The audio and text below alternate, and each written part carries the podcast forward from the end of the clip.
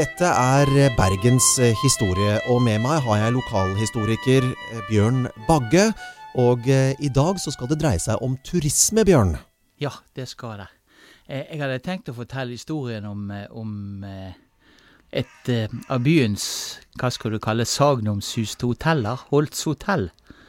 Og da må jeg gå litt tilbake i tid, da. Vi skal tilbake igjen til slutten av 1800-tallet. Allerede da så var Bergen begynt å bli et populært turistmål.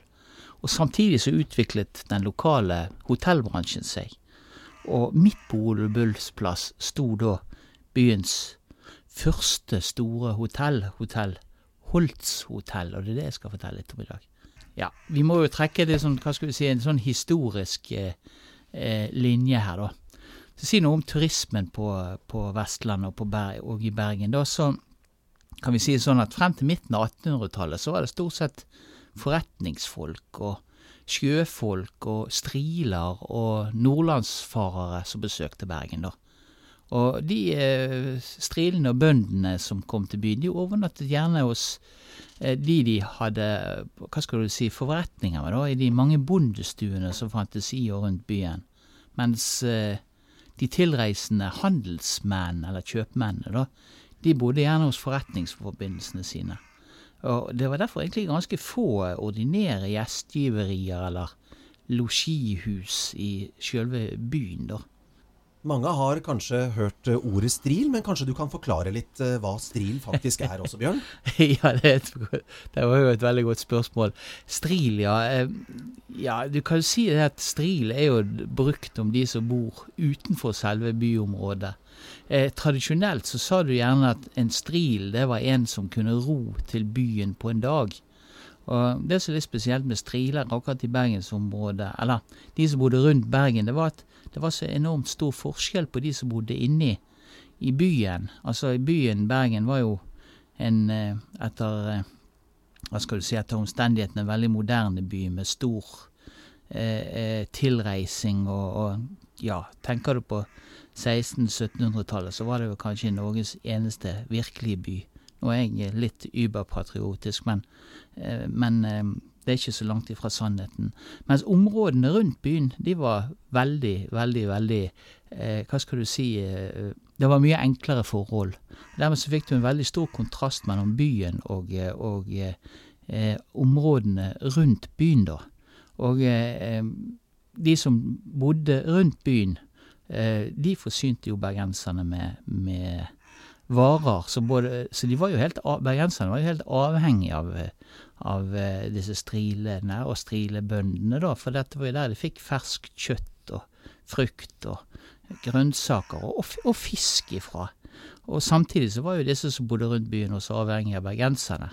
Eh, for dette var der de fikk, eh, hva skal du si, kolonivarer. De, korn, eksempel, så de var helt avhengige av. Så ikke de dyrket nok i områdene rundt eh, rundt eh, Bergen. Så det var et gjensidig avhengighetsforhold. Men likevel så, så bergenserne litt ned på disse som bodde utenfor byen, og kalte de da for, for striler. Og eh, begrepet stril Ja, noen sier det kommer av stryl, eller at det var, at det var spesielt eh, hissige folk som, som hadde dette eh, som bodde rundt byen. Og kanskje noe der, Vi har hørt om strilekrigen alle sammen. Når strilene var lei, så inntok de byen. Ja, men i hvert fall kjært barn av mange navn, og det er litt historien om strilene, da. Ja, men i hvert fall tilbake igjen til de reisende, da. Eh, de reisende som forvillet seg til Bergen da på begynnelsen av 1800-tallet eh, for fornøyelsens skyld, da, kan du si. De bodde da gjerne i gjestgiver, gjestgiverier, heter det så greit, utenfor bygrensen. Alternativet var da å bli innkvartert hos private, eller eh, ja, gitt av de få losjiene som faktisk fantes i byen da. Og til langt opp på 1830-tallet så var vel kanskje Halkan på klosteret et av de mest kjente av disse, da. Og så, så det ble sagt om Halkanen Halkanen var jo som regel full, da. ja, vel. Uansett, når vi kommer ut på 1830-tallet, så eh, begynner det å komme en del tilreisende. Det er da spesielt den engelske overklassen som kommer på besøk med, med sine yachter, da. Og det er på en måte noe nytt. Og fra 1850-tallet så stiger jo også da antall eh, turister. Det har jo også sammenheng da med at du får eh, skipsfartsruter til Bergen. Dampskipsruter.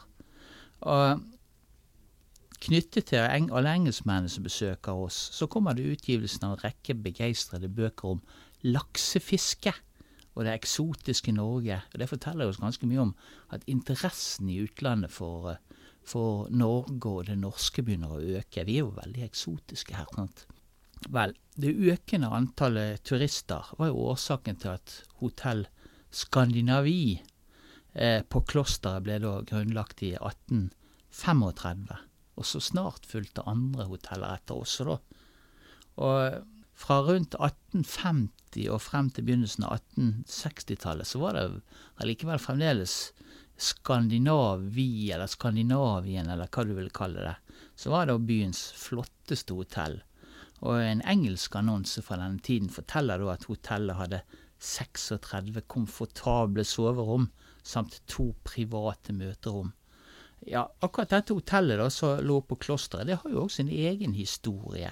Jeg vet ikke, jeg vil du at jeg skal fortelle den? Gjerne. Gjerne. Ja, uh, ja, den har jo egentlig en, hva skal du si, en, en relativt uh, lang historie. Uh, bygget ble jo da reist etter bybrannen i 1702, og fungerte da bl.a. som bolighus for embetsmenn. For eksempel så bodde jo da, ja, hva skal vi kalle han, grunnlovens far Christian 2 Falsenhermen, som var stiftamtmann i Bergen. Og etter det da, så ble huset omgjort til losji, og deretter til hotell. Og, og, hotellet drev jo faktisk her helt frem til 1903. Og da ble det omgjort da, til et eh, gamlehjem. Så det er en lang eh, eh, og spennende historie knyttet til huset. Vel, nå har jo det en god eller dårlig vane, hva du vil kalle det, med å snakke meg vekk, da. Mhm. Men, eh, men eh, vi skal tilbake igjen til, til uh, turismen, vi. Og uh, så vi sa rundt 1850 så ble Vestlandet og Bergen lettere tilgjengelig for turistene, som vi var inne på pga. disse nye dampskipsrutene. Men det manglet jo da fortsatt hoteller til å ta imot de reisende. Og for eksempel, ja, i 1865 så hadde jo, hadde jo da Bergen museum, det som i dag er Universitetsmuseet, sin første store Eh, utstilling. Eh, da var det jo kjempemangel på overnattingssteder. da. Det var kun 29 av de 274 innbytte besøkende da, som fikk hotell, hotell, på plass. Alle de andre de måtte da ha privat innlosjering. Så klart altså, Her så man jo at det var muligheter for å gjøre et eller annet. Ja, og nettopp det, byens hotellmangel, var en av årsakene til at konditoren Hans eh, Holt i 1866 kjøpte konditor eh, Johan eh, Plotz ærverdige konditori i Veiten, og startet kombinert konditori og hotelldrift der, da. Ja, og jeg må jo også selvfølgelig si noe om, om eh, forhistorien til dette bygget som Holt kjøpte, da. For også Holts hotell hadde en forhistorie. Allerede på 1830-tallet og videre inn på 1840-tallet så drev Madame Nicoline Bugge vertshusvirksomhet i, i dette bygget. Aha, hun ble da fulgt av den eh, tyske konditoren Johan Christoffer Pilott. Og utenom konditoriet så drev jo Pilott også selskapslokaler og hotell. Og disse lo lokalene hadde jo en på å si kjempespennende historie, egentlig. For her besøkte jo Her var jo f.eks. Eh, besøk av en masse prinser i slutten av 1850-årene. I 1856, tror jeg det var. Og eh, her var også seine kvelder her med både Ole Bull og Bjørnstjerne Bjørnson, da, før eh, ekteparet Pelot ga hotellet videre til, til Holt. Men igjen, vi må gå tilbake til det som vi egentlig snakker om. Eh, Holts hotell som eh, Hans Holt og kalte det nye hotellet sitt, hadde opprinnelig kun fire rom. I 1870 så kjøpte han imidlertid også naboeiendommen, og noen år seinere ytterligere tomter rundt. Så på 1880-tallet hadde hotellet derfor fått hele 60 rom. Eh, Holts hotell ble omtalt som et, ja, som et hjemmekoselig og rent sted. Det er jo sånn som vi alle liker, selvfølgelig. Og med et svært godt kjøkken. Ekteparet Hans og Margrethe Holt hadde også et utrolig godt rykte i byen. Hans var jo også kjent som en utmerket vert, som det står i disse gamle avisene fra den tiden, og hans hustru som om mulig en enda bedre vertinne. Vel, Holt eh, solgte hotellet videre da i 1887, og det ble deretter drevet videre under skiftende eiere. Eh, da den store turiststrømmen inntok Vestlandet på slutten av 1800-tallet, for da får du virkelig den hva skal du si, mer moderne turismen, så ble Holt uh, hotell fremdeles regnet som det beste i byen. I En uh, skotsk dame som var besøk på, i Bergen i 1891, Alice Ogilvy, hun forteller Holt's Hotel is the favorite, being well managed and comfortable. Så populært. Ja, de ansatte fikk jo etter hvert også internasjonale innslag. Eh, I 1890-årene arbeidet bl.a. noe så eksotisk som en farget medarbeider på Holt's Hotell. Avisen Hansaposten skrev senere om ja, jeg vet ikke om vi har lov å bruke et sånt ord, men de skrev i hvert fall om negeren August, ennå i sin ungdoms svarteste vår, som smiler med sin perlerad. Det er jo totalt politisk ukorrekt i dag, men det var nå det som sto. Og, og, denne August, som mange kjenner, eh, han har jo vært en på, så, på å si berømthet i Bergen gjennom tidene. Han ble jo kalt Gusten. Han ble jo også omtalt som en flittig arbeider i det bergenske reiselivs vingård. Det, det er så flott, altså! Vel, Holts hotell ble jo nå også omtalt i flere internasjonale turisthåndbøker på slutten av 1800-tallet. Bedekers reisehåndbok fra 1895 berømte eksempel hotellets kjøkken, og fortalte at en seng kostet dette var dyre greier 60 øre per natt. Oi. Eh, og et helt rom kostet 2 kroner og 50 øre. Kommer vi en år seinere, i Bennets reisehåndbok, som mange av dere sikkert har hørt om, fra 1902, så er det nå en eh, Jakob Skogen som driver Holts hotell. Hotellet hadde nå faste, moderate priser, og en betjening som snakket både engelsk, fransk og tysk. Ja, Holts hotell beholdt jo også det internasjonale renommeet etter de fikk enda nye eiere, da, Erik og Marie Brekke, som overtok det i 1908. Hotellet fikk nå til og med en stjerne første klasse i Bedekers internasjonale reisehåndbok. Ja, og hotellet vokste og vokste, da. I, i 1910 så hadde Holts hotell da overtatt hele nordsiden av Ole Bulls plass. Det vil si, hotellet strakte seg helt ifra fra Veiten til Torgallmenningen.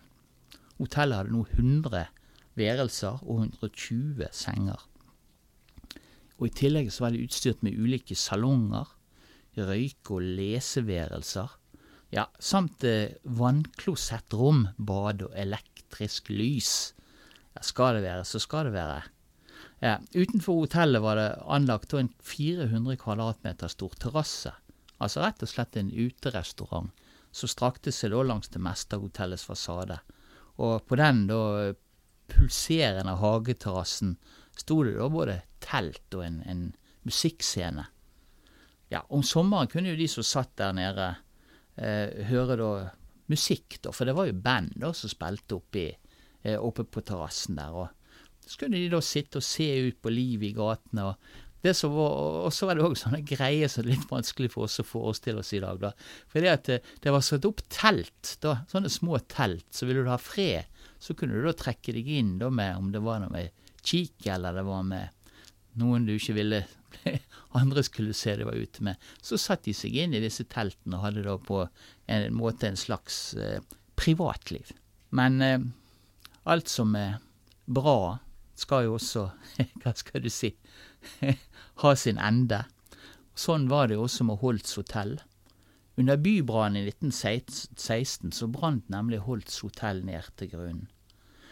Det, det fikk sånn sett samme skjebne som tre andre bergenshoteller, nemlig det praktfulle Hotell Metropol ja, som jeg har lyst til å fortelle dere mer om en annen gang. Hotellene de Angleterre og Victoria, samt mindre pensjonater. Og Holts hotell ble aldri gjenreist, men eh, ekteparet Brekke overtok da året etter ansvaret for å drive et annet flott bergenshotell, nemlig Hotell Norge. Det var historien om Holts hotell.